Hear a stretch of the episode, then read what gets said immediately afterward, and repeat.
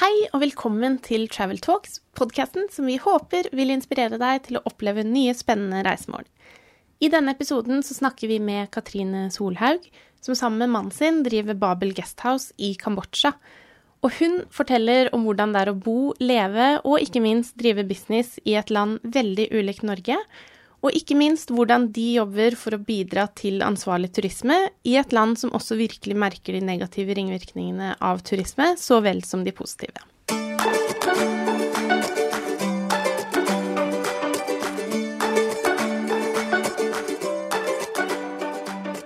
I dag så snakker jeg og Kristine med Katrine Solhaug. Så først og fremst velkommen til podkasten vår, Katrine. Ja, tusen takk. Det er veldig hyggelig å ha deg her. Og du driver jo Babel Guesthouse i Kambodsja, eh, og det skal vi høre veldig mye mer om. Men kanskje du kan begynne med å fortelle litt om hvem du er, og kanskje litt hvorfor og hvordan du havna i Kambodsja? Ja, jeg er Katrine Solhaug, og jeg er fra Stavanger. Mm. Jeg kom til Kambodsja når jeg var 26 år, okay. og skulle egentlig bare være her i ett år. Men nå har det gått 13 år, og vel så det, og så er jeg her fremdeles. Å, så deilig. Men ja. Eh, hvordan, hva gjorde at du kom dit første gangen? Nei, jeg skulle eh, drive et gjestehus. Eh, jeg fikk tilbud om å drive dette et sånn lite hotell. Mm. Eh, og det var egentlig bare meningen at jeg skulle være der i ett år. Jeg ble ansatt som, til å drive et gjestehus her i Kambodsja og tenkte at jeg skulle være her et år. Og mm. de som ansatte meg, sa å ja, du kommer til å bli fast her i Kambodsja, du. Og, mens jeg sa nei, de tenkte inni meg da at de kjenner ikke meg, for da hadde jeg vært blitt så rastløs av å reise i så mange år. For ja. før jeg flytta hit, så hadde jeg brukt veldig mange år bare på å reise rundt. Mm. Eh, og gå på ulike studier og gjøre ulike ting i utlandet, da. Mm. Og jeg tenkte som så at det, det, var jo nesten litt dumt at jeg begynte å reise, for nå kommer jeg aldri til å bli fornøyd og slå ja. meg ned noen plass, fordi at mm. jeg er så rastløs og vil se hva som er rundt eh, eh, neste hjørne. Mm. Helt til jeg kom hit, da, så var det et eller annet her eh, med Kambodsja som gjorde at nei, her, her, her, kan jeg tenke meg å være lenger. Mye mm. lenger. Um, for det er Jeg tror det må ha med menneskene å gjøre. For det er et ja. fantastisk folkeslag. Uh, de er utrolig imøtekommende og veldig hjelpsomme og veldig fine mennesker. Mm. Og jeg føler de er på en måte sånn ærlige når de sier 'hello, how are you'. Mm. Ofte når du reiser rundt, så har du 'hello, how are you', så føler du at å, jeg, de vil ha penger, ja. ofte tjene penger på deg. Og det forstår jeg jo, men her føler man en sånn ektehet mm. i måten menneskene er når de sier 'hello, how are you'? Mm. Så det var nytt for meg. Så derfor så ble det til at her kan jeg bo. Men jeg visste jo ikke at jeg kom til å bo der fremdeles etter 13 år, da. Nei, det er jo helt herlig. Men du, du var litt inne på det, for du, du har studert eh, veldig mye forskjellig. Eh, alt egentlig fra ja, fra spansk til markedsføring, nei, markedsøkonomi eh, og internasjonalt arbeid og flerkulturell pedagogikk og eh, ja. Eh, jeg, jeg, kjenner meg litt igjen, for jeg har studert alt fra sykepleie til afrikastudier og internasjonalt eh, sosialt arbeid selv. Men har du hatt en plan rundt det, på en måte? Altså, eller er det bare tilfeldigheter som har gjort at det har blitt en så kreativ kombinasjon, da? Nei, egentlig så var det ikke en konkret plan. Eh, annet enn at jeg visste at jeg ville jobbe med å hjelpe andre. Så bli sosionom, mm. det var en konkret plan. Ja. Men så ble det naturlig på tredje år å ta internasjonalt sosialt arbeid som fordypning pga. at jeg er så utrolig interessert i andre kulturer mm. eh, og har reist masse. Og ja, så var det veldig kjekt med internasjonalt sosialt arbeid. Så da mm. fortsatte jeg med flerkulturell pedagogikk i Nicaragua. Oi. Og det var pga. at det studiet var der. Mm. Norsk studie, knallbra studie. Mm. Eh, og jeg elsker Latin-Amerika. Mm. Og spansk er jo jeg er veldig glad i språk. Mm. Og ville bygge enda videre på, på spanskspråket. Så da ble det naturlig at jeg endte opp liksom i Latin-Amerika. Og det studiet i Mexico som heter markedsøkonomi, det mm. skulle egentlig være eh, uh, latinamerikansk historie. Oi. Og så bytta de på det rett før jeg skulle reise. Okay. Og så ble det markedsøkonomi. Så det var veldig det var jo noe helt annet. Så jeg vurderte lenge på om, om, jeg ikke skulle dra, men så var jo alle planene satt. Og så trenger man jo markedsføring og markedsøkonomi i alt du gjør. Så det, jeg er veldig glad for at jeg tok det studiet nå, for det har jeg jo fått bruk for i mm. alt jeg har gjort etterpå. Mm. ja, selvfølgelig. Det, det, lønner seg jo sikkert masse også når du faktisk driver ditt eget uh, guesthouse. Ja, nemlig. Så det var jo passet jo veldig bra. Det var tilfeldig at det studiet var at jeg hadde det bak, i bagasjen når jeg kom hit, da. Mm. Men skal vi også gå litt mer inn på Babel Guesthouse og egentlig hva dere driver med, og essensen i hva dere gjør? Er det er det, det samme guesthouset du faktisk starta da du først kom til Kambodsja, eller tok over, eller er det et annet? Nei, nei, nei. Dette her er et, Vi kjøpte Babel Guesthouse. Det kjøpte vi for uh, er det, det, er nesten ti år siden. Så ja. det var etter det, etter det, andre stedet jeg drev. For det andre det var van, vanskelig å drive med Det var veldig mange eiere. Så det var mange som hadde mye å si. Så det var vanskelig å drive det sånn som man kjenner at det må drives når ja. du er her. Så å ha sitt eget er mye mer naturlig og mye enklere å selvfølgelig eh, ta avgjørelser når du mm. bare har deg sjøl og spør, på en måte. Mm. Mm. Så det vi driver med her, er eller Grunnen til at jeg syns det var spennende å drive hotell, for det er jo òg veldig på siden i forhold til sosio sosialt arbeid. ja. det, det, er at det er jo et sosialt prosjekt. Fordi mm. vi har 13 ansatte her på Babel nå.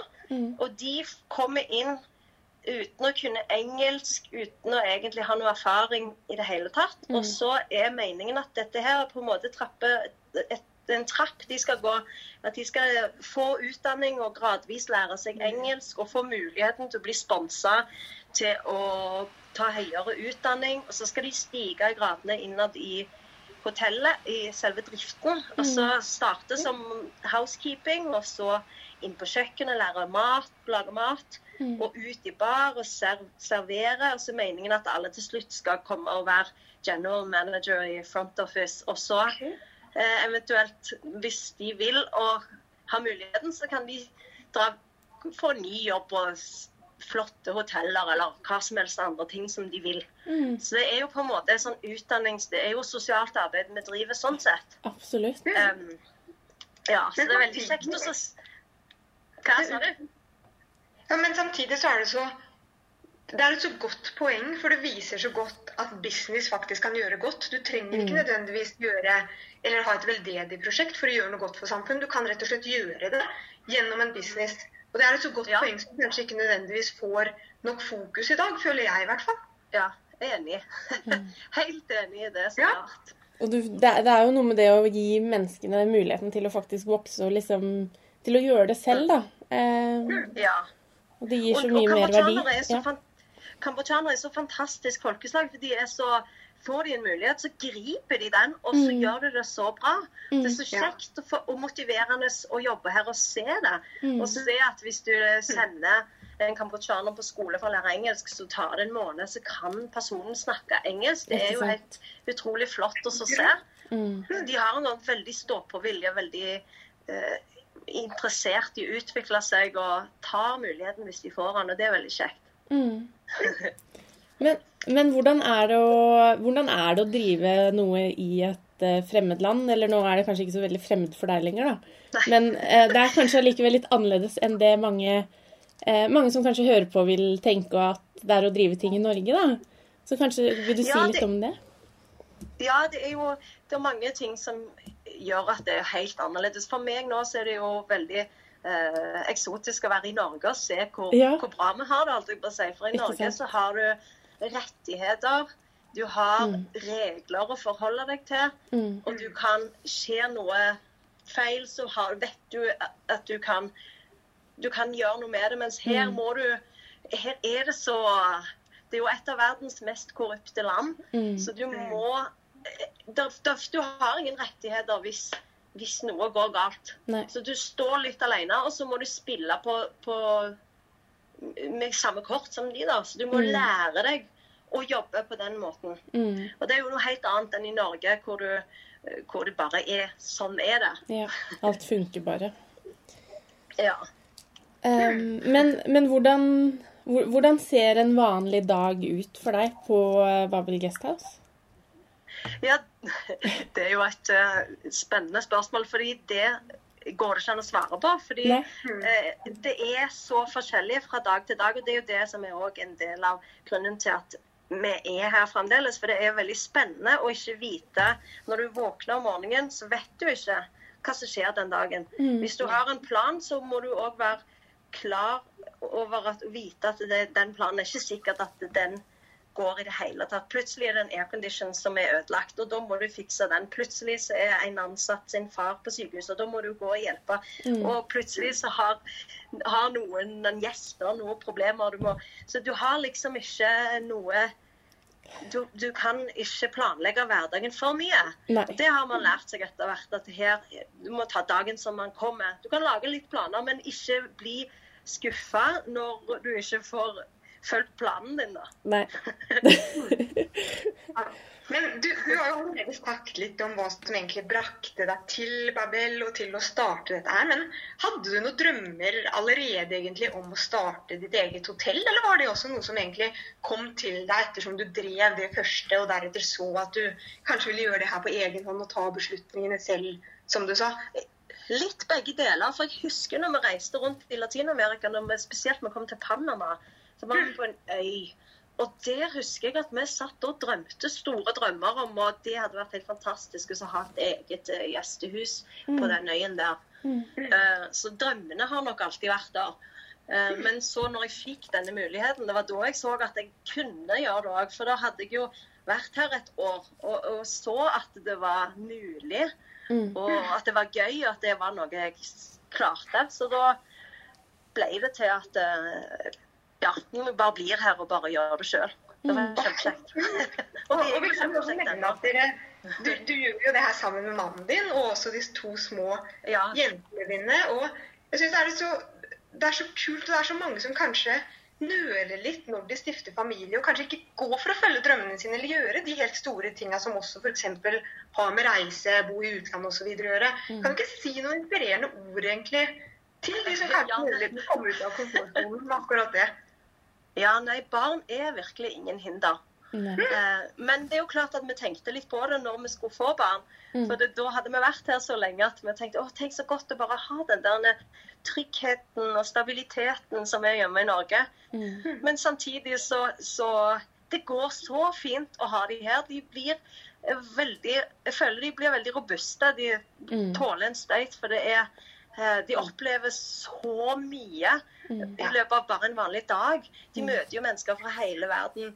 Fordi vi bor jo på eh, gjestehuset. Vi bor på, i toppetasjen. Ja. Sånn at når vi kommer ned om morgenen, så er det jo rett, rett inn i stua vår, på en måte, der det sitter mennesker da, fra hele verden. Og i en høysesong så, eh, så er det jo 50 gjester hver dag. Og så de blir kjent med Det som jeg tenker er en ting de, som er best med deres oppvekst her, er at de lærer at det ja. ikke er én Det finnes veldig mange sannheter, mm. veldig mange ulike perspektiver på mm. alt. Så det mm. lærer de seg her. For her er ikke det én normal ting. Her er det lærer man at det, alle, alle, er forskjellige. Mm. Verden er stor. Åh, oh, ja. Det var fantastisk å lære det i barndommen, det er helt sikkert. Absolutt.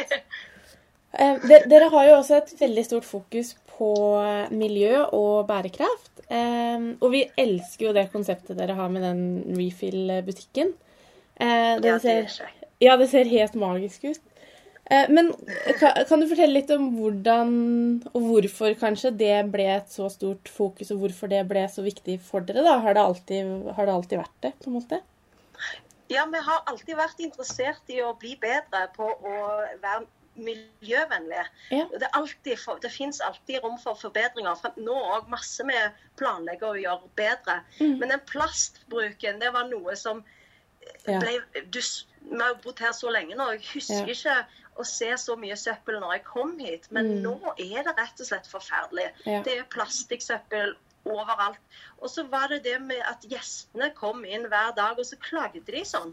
Oh, so much garbage, og det er så fælt, og de må ha, mm. få utdanning i landet her, og det, her er det jo ikke det, her må de gjøre noe. Og så drar de ut på markedet, så kommer de hjem med ti plastposer sjøl Mm. hver dag. Folk kommer hjem med plastposer og plastflasker. For her er det jo ikke pantesystem. Nei. Så alle de plastflaskene som, som de tar med seg hjem, de, de blir jo aldri borte. Nei. Og i løpet av én måned i Kambodsja Mm. så er det 4,6 millioner plastflasker som havner på landsbygda, på landfill, Mm. som følge av turismen alene. Mm. Og det er bare én måned, så det sier seg jo selv at det går ikke. Vi kan ikke fortsette sånn. Nei. Og jeg var veldig lei av å høre turistene som klager på det. Så da Mm.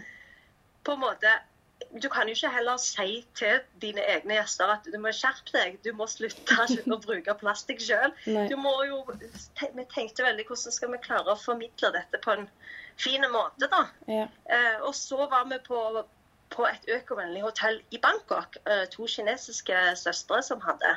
Mm. Og de hadde en refill station, eh, en butikk, i sin eh, sånn lobby area, Mm. hvor, du, hvor folk kan komme med sine egne flasker og fylle de opp det de trenger. Og da hadde de, de hadde kjempestort ut, stort utvalg med sjampo, balsam, krem, kokosnøttolje. Mm. All slags sånn såper som du har hjemme. Eh, og det var så kjekt å sitte og se at folk kom inn og faktisk benytta seg av den Mm. refill station. Og, og masse økovennlige produkter hadde de. Og, og jeg elsker jo sånn fra før å ha fulgt mange sånn zero waste-folk på Instagram og vært veldig opptatt av det sjøl. Så da så jeg bare på mannen min, og han bare nikka med visste. Han skjønte hvor det var? Ja, og for det var jo ingenting sånn i Kambodsja da. Nei. Så i, for to år siden så starta vi Kambodsjas første ja, Zero Waste Store, eller Refill Station. Mm. Man kan kalle det hva man vil. Mm. Eh, og, og det har vokst enormt og veldig fort, og alle gjestene elsker det. Mm. Eh, og vi har jo gjester av det òg, fordi at folk blir blir mer og mer økovennlige og opptatt av bærekraft. Folk yeah. er mye, mye flinkere nå enn for to år siden, tre år siden. Absolutt. Så nå har vi gjester pga. den refill station, og det er knallbra. Og, de, og det også, eh, vi har òg produkter som gir arbeidsplasser. Fordi Mm. Det er ikke bare såper sånn som du kan fylle opp, men vi har òg sånn for å redusere f.eks. når folk er ute og spiser gatemat her, yeah. så er det jo, får de det i styrofoam. Ja. Um, Ja, isopor. Det er jo det verste formen for plastikk, for det smuldrer Mm. oppi, og det blir jo aldri borte. Så det er jo forferdelig for miljøet. Og Mm. i kanalene nede i hovedstaden så er det jo, de er jo tetta med Ja. sånne. Mm. For det, det er så billig å produsere, og det er det du får gatematen Mm. i, servert i.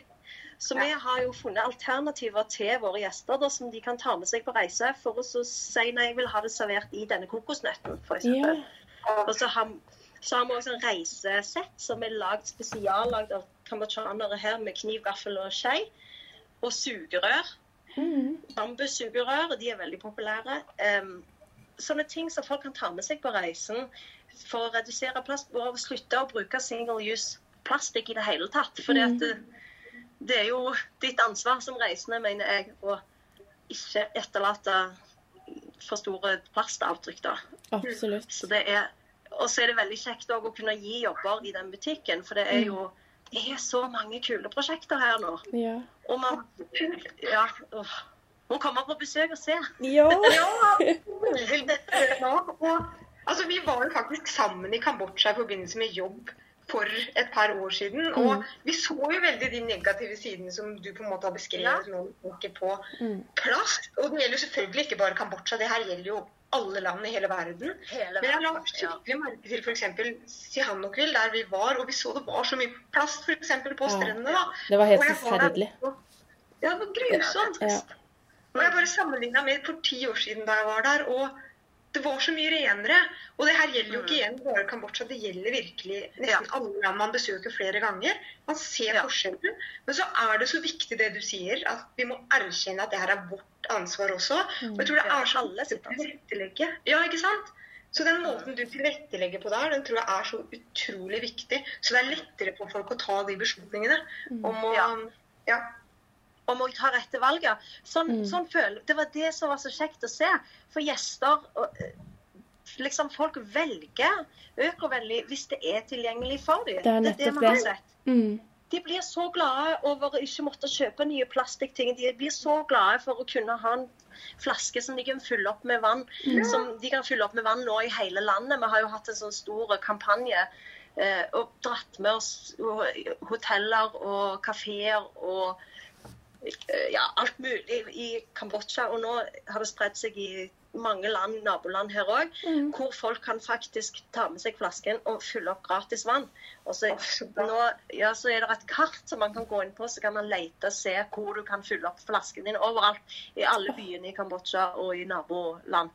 Så Og det er jo så Unnskyld, men, men hva heter det? Hvordan kan vi finne denne kampanjen og faktisk være en del av den når vi reiser? Den heter Refill Not Landfill.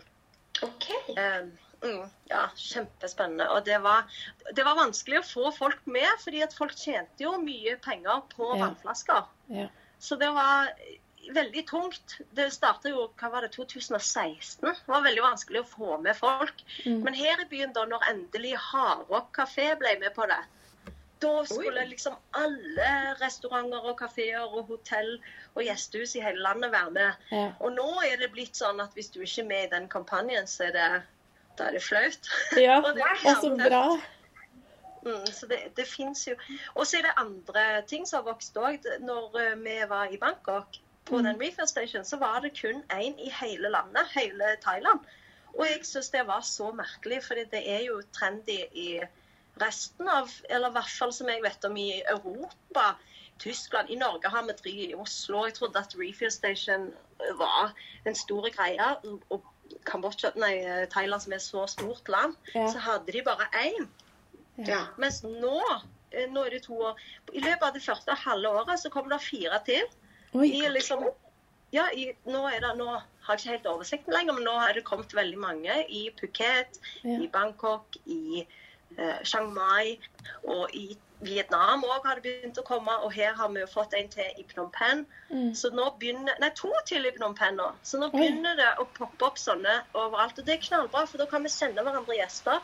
Ja. Og så kan vi være med på å spre ordet til enda mer folk. Ja. Og, og faktisk kunne gi de eh, muligheten til å velge de bra alternativene, da.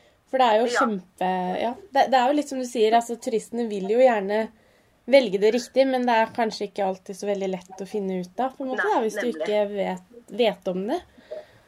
Ja. Så det er knallbra. Vi håper bare at denne trenden vokser og vokser, men det tror jeg at han gjør. Ja. Det føler jeg virkelig på meg at han gjør. Ja. Absolutt. Det må vi jo, hvis ikke så Altså, vi må Vi jo tenke alternativt. Vi må tenke gjøre ting annerledes. ja. Vi har ikke noe valg, nei. Men, men litt i relasjon til det, det vi snakker om nå, da. Så, altså, dere starta jo faktisk noe som het eh, Global Studies. Eh, Som var et studie innenfor reiselivsledelse med et spesielt fokus på nettopp ansvarlig turisme. Eh, kan, du Ja, litt, ja, kan du ikke fortelle litt om det? Altså bakgrunnen for at dere starta det, og hvordan, hvordan det var og litt sånn? Ja.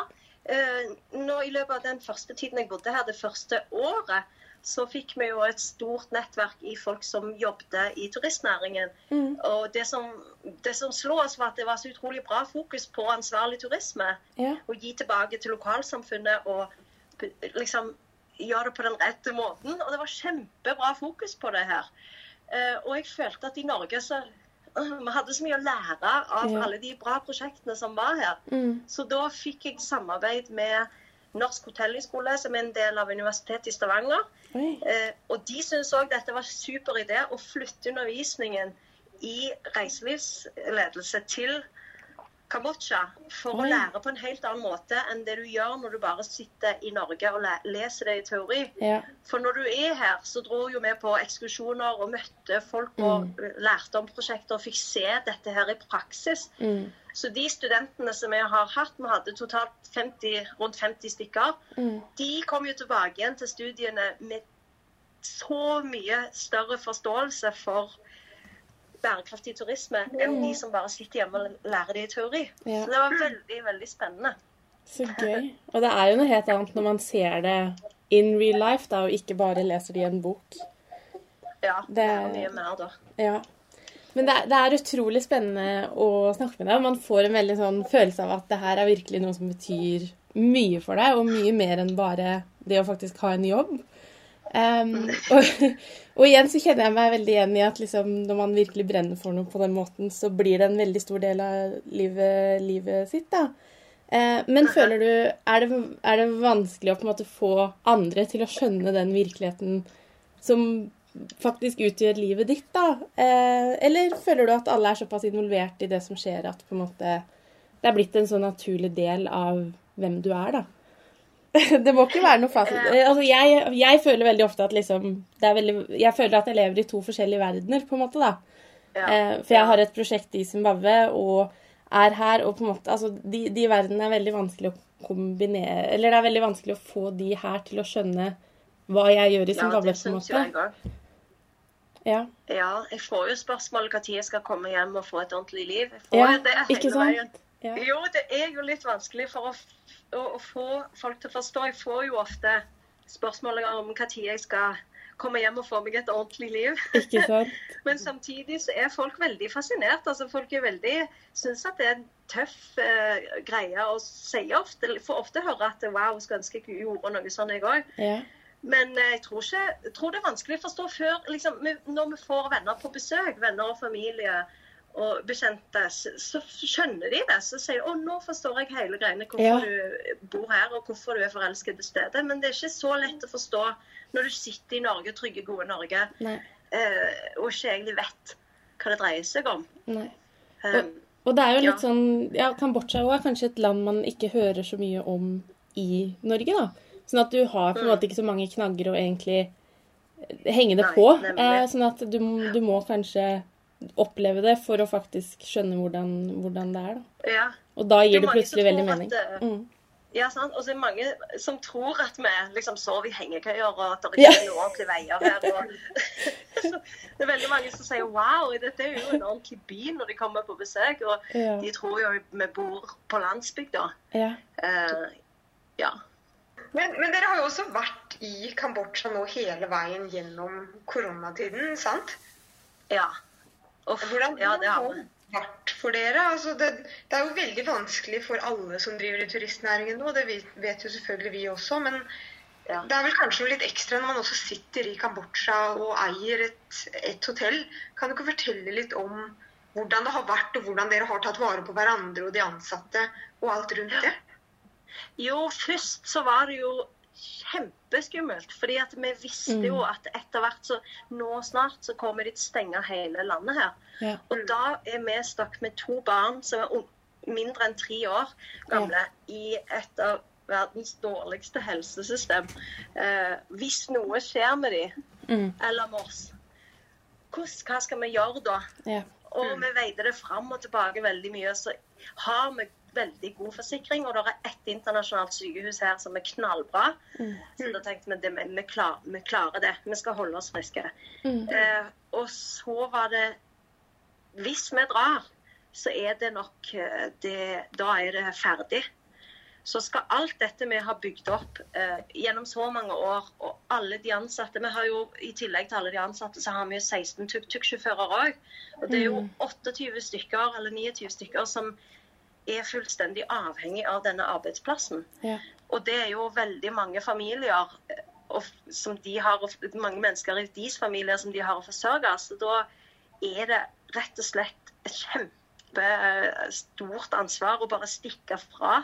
Mm. Eh, og de har, en, eh, de har jo blitt vår familie. Mm. Så det var ikke noe kult å tenke på at nei, nå stikker vi fra de, og de og hva skjer med de da? Så vi, mm. tok, vi måtte ta et valg. Skal vi bli her og kjempe for det vi har bygd opp, og kjempe for de som har blitt vår familie? Mm. Eller skal vi dra hjem? Det var det valget vi måtte ta, og mm. da ble vi. Mm. Uh, og det angrer vi ikke på, fordi at de, det vi har jobba oss igjennom nå, det som vi holder på med nå, er, det er veldig spennende. og Det er givende å se hvor utrolig takknemlige de blir for at vi har blitt og tatt det valget. Mm. Eh, fordi det er så trist å se hvor tøft det er for kambodsjanerne nå. Mm. Det er jo ikke, det er ikke korona, korona i seg selv er ikke problemet Nei. i Kambodsja. Det er nesten ingen smitte. Det, det, har, det er veldig få tilfeller, og ingen har dødd. Og alle som har vært smitta, er friske nå. Mm. Så det er jo ikke korona som er problemet, det er arbeidsledighet som er problemet. Mm. Ja. Og den, den er heavy også å se. Ja. Alt, det er, alt er jo stengt. Nesten alt er jo stengt. da. Og her, denne byen her er jo bygd på turismen, så det er jo masse hoteller og gjestehus, kafeer, restauranter, spa, reiseselskap. Alt, hele byen Mm. Er stengt. Så det er jo helt vilt å se eh, Det er som å gå rundt i en spøkelsesby. Eh, og du ser hvor elendig det er. Du ser at folk sliter. Og det er kjempetøft å, å, være, å se. Og Derfor er det enda mer givende å kunne i hvert fall gi tilbake igjen til de som er dine, da, holdt jeg på å si. De som Mm. hører til oss Mm. her.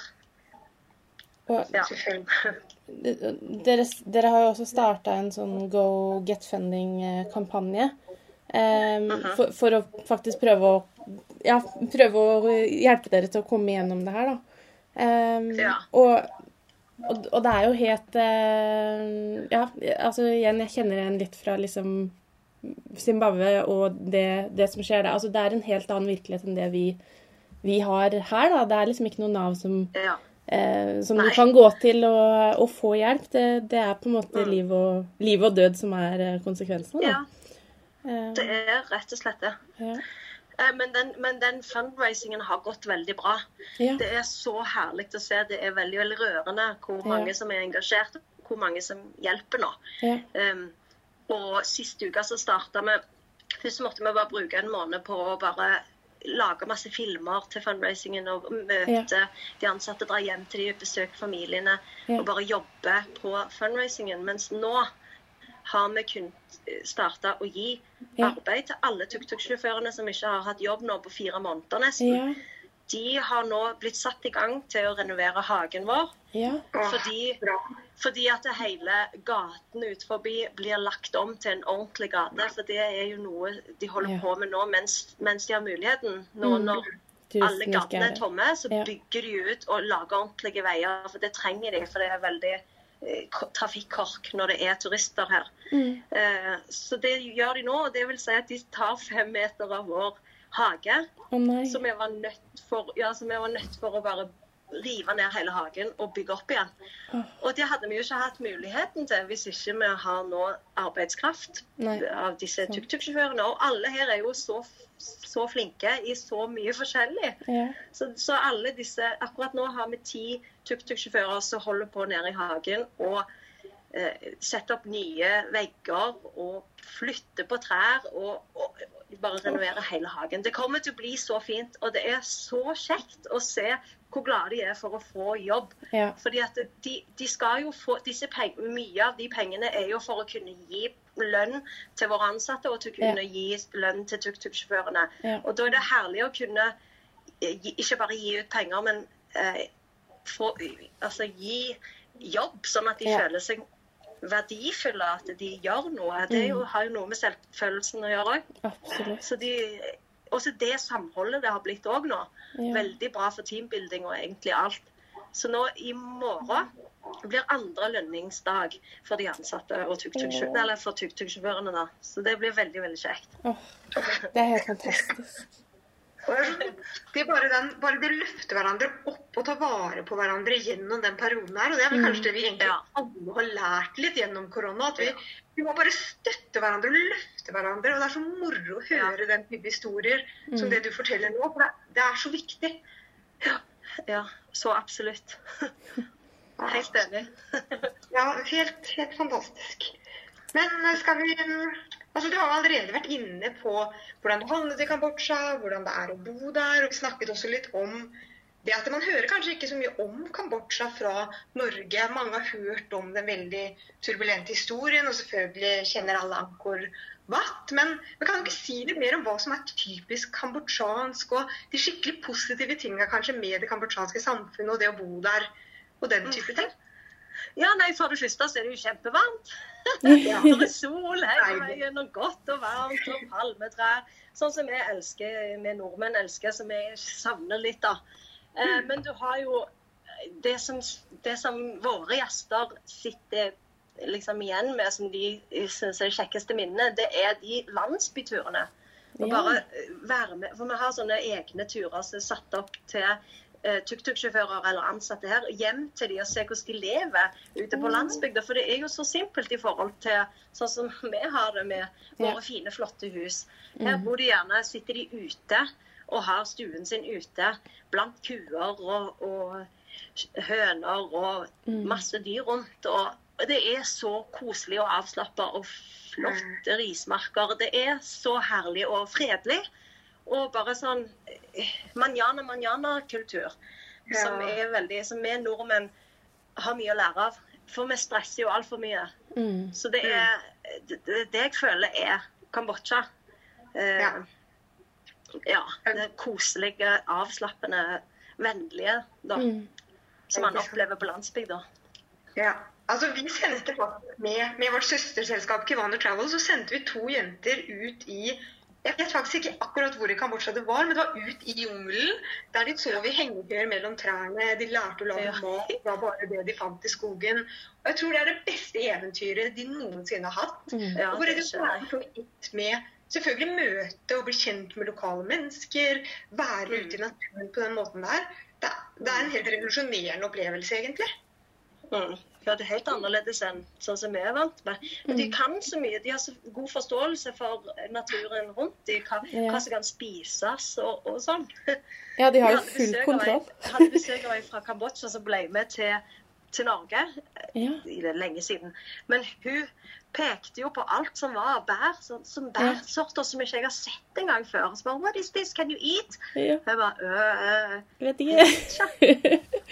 Og hun kunne ikke forstå hvorfor vi kjøpte epler, for vi hadde jo Ja. egne epletre. Ja. Ja. Sånne, sånne ting. De er gode på å benytte seg av naturen, for de må jo. Det er jo det, er jo det de lever av. De fleste. Men det er jo noe som er så bra for oss mennesker òg. Faktisk connecte mer med naturen enn det vi kanskje Ja. gjør. Vi som bor i store byer og kjøper all maten på butikken. Så det er et veldig noe å holde i bakhodet, egentlig. Ja, helt enig. Mm. Mel melka kommer ikke fra melkekartongen. Den kommer faktisk fra en ku, liksom. Ja. Ja, sant. Men, men for, de som aldri, for de som aldri har vært i Kambodsja, da, eh, eller bare har vært noen steder, kanskje, hva, hva, er, det, hva er din absolutt favoritt i, eh, i landet, og hva Ja. Ja, jeg syns jo selvfølgelig denne byen. fordi Ja. at det kan være litt sjokk å bare dra til Kambodsja og bare rett ut på landsbygda. Ja. For Ja. her i denne byen her så er det jo en, det er jo en by hvor du kan faktisk gå på Haro kafé, f.eks. Du kan gå Ja. På en kafé som du kan eh, på en måte minne deg litt om no, det trygge, gode som du, du kan fra før. Ja. Du kan på en måte puste med noe som du er vant med etter du har vært på en landsbytur. Ja. Så jeg syns jo selvfølgelig Siem Reap, for Siem Reap har så masse sånn. Ja. Eh, men, men eventyr, da er jo helt klart favoritten Kampot og Kepp nede i sør. Ja. Åh, det er så fint og så magisk, og så mye gøy historie. Ja. Eh, og veldig, veldig khmer. Da er du i Kambodsja når du er der. ja. Men. Men når, når på året bør man dra da? Er det på en måte noen sesonger ja, som er bedre enn andre? Ja, det er jo den beste sesongen i forhold til været er jo egentlig liksom november, desember, januar, februar. Ja. Det er jo høysesongen. Men da er det jo òg masse turister vanligvis Ja. her. Det er da alle kommer. Ja. Så jeg mener jo at det er juni og juli, Mm. altså de månedene som er regntid her, de kan være best. Mm. Fordi da, da er det Når det regner, så regner det ikke mange dager i strekk. Det regner en time, og så er det ferdig. Ja. Og så blir jo alt så friskt og flott Og etterpå. Ja. Ja, det er så herlig tid. Eh, og da er det jo nesten ingen andre turister i forhold til hvordan det er i høysesongen. Så det er jo egentlig den fineste tiden, Mm. syns jeg. Juni.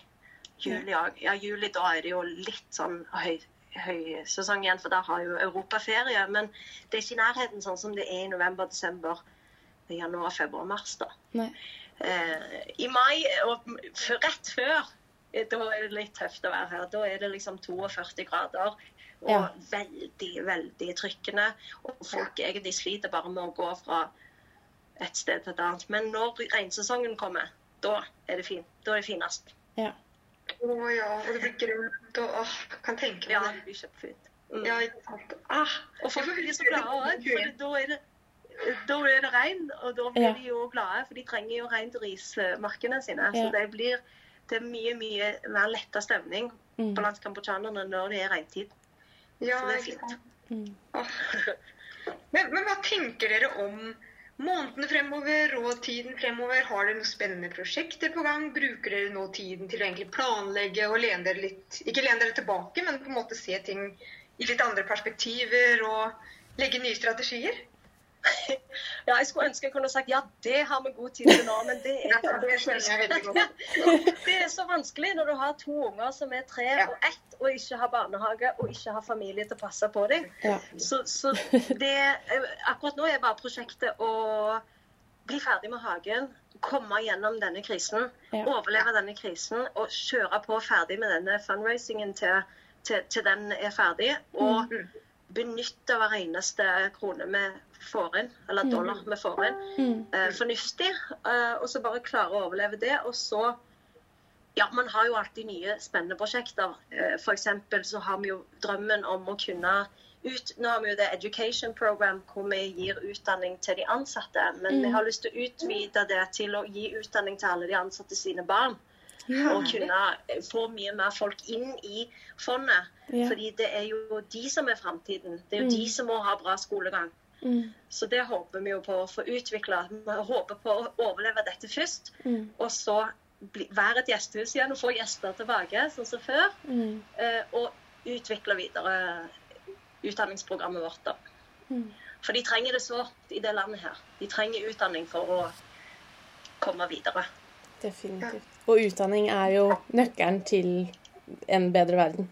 Det er jo ikke noe tvil. Ja, Um, men absolutt. Vi, vi har tre, tre spørsmål som vi stiller til alle som er med i podkasten vår.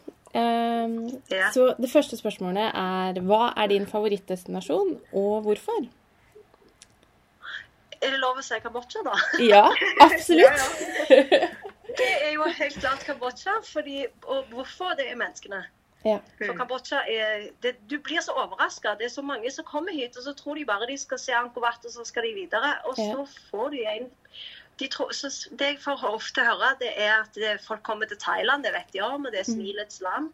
Og så kommer de til Kambodsja, og da er det bare Nei, dette er jo virkelig smilets land. Ja. Uh, og det er pga. menneskene. De er så smilende og glade og hjelpsomme til tross for at de har så lite. Mm. Og til tross for en tragisk forhistorie. Alle er jo berørt ennå Ja. av det som skjedde på 70-tallet. Mm. Eller for lenge siden, da. Mm. Mm. Hva er ditt beste reisetips? Uh, gjør research før du reiser. Eh, Finn ut hva som er virkelig bra prosjekter som virkelig støtter lokalsamfunnet. Og støtt, legg igjen pengene der det er der du vet du legger igjen pengene til noe bra. Mm. Uh, og ta med en flaske som du kan fylle med Ja. vann. Og ta med ta med bæresett. Ikke få plastikkposer når du er ute og kjøper suvenirer. Ja. Ta og Vær litt lur, og ikke bruk unødvendig plastikk. Mm. Ja. Er det noe du skulle ønske reisende gjorde mer av, og hvorfor? Ja, det som jeg nettopp sa. Ja. fordi, fordi at vi kan ikke fortsette med de uvanene vi har med å bruke single use plastikk. Det går ikke. Eh, verden går under med drukner jorda med plastikk. Mm. Så rett og slett Vi må slutte Mm. å bruke unødvendig plastikk. Helt Ja. enig. Tusen hjertelig takk for at du var med på podkasten vår, Katrine. Tusen takk. Ja, tusen takk for at jeg fikk snakke med dere. Det er veldig hyggelig å møte dere på, i denne podkasten. Ja. Tusen takk for meg. Tusen takk.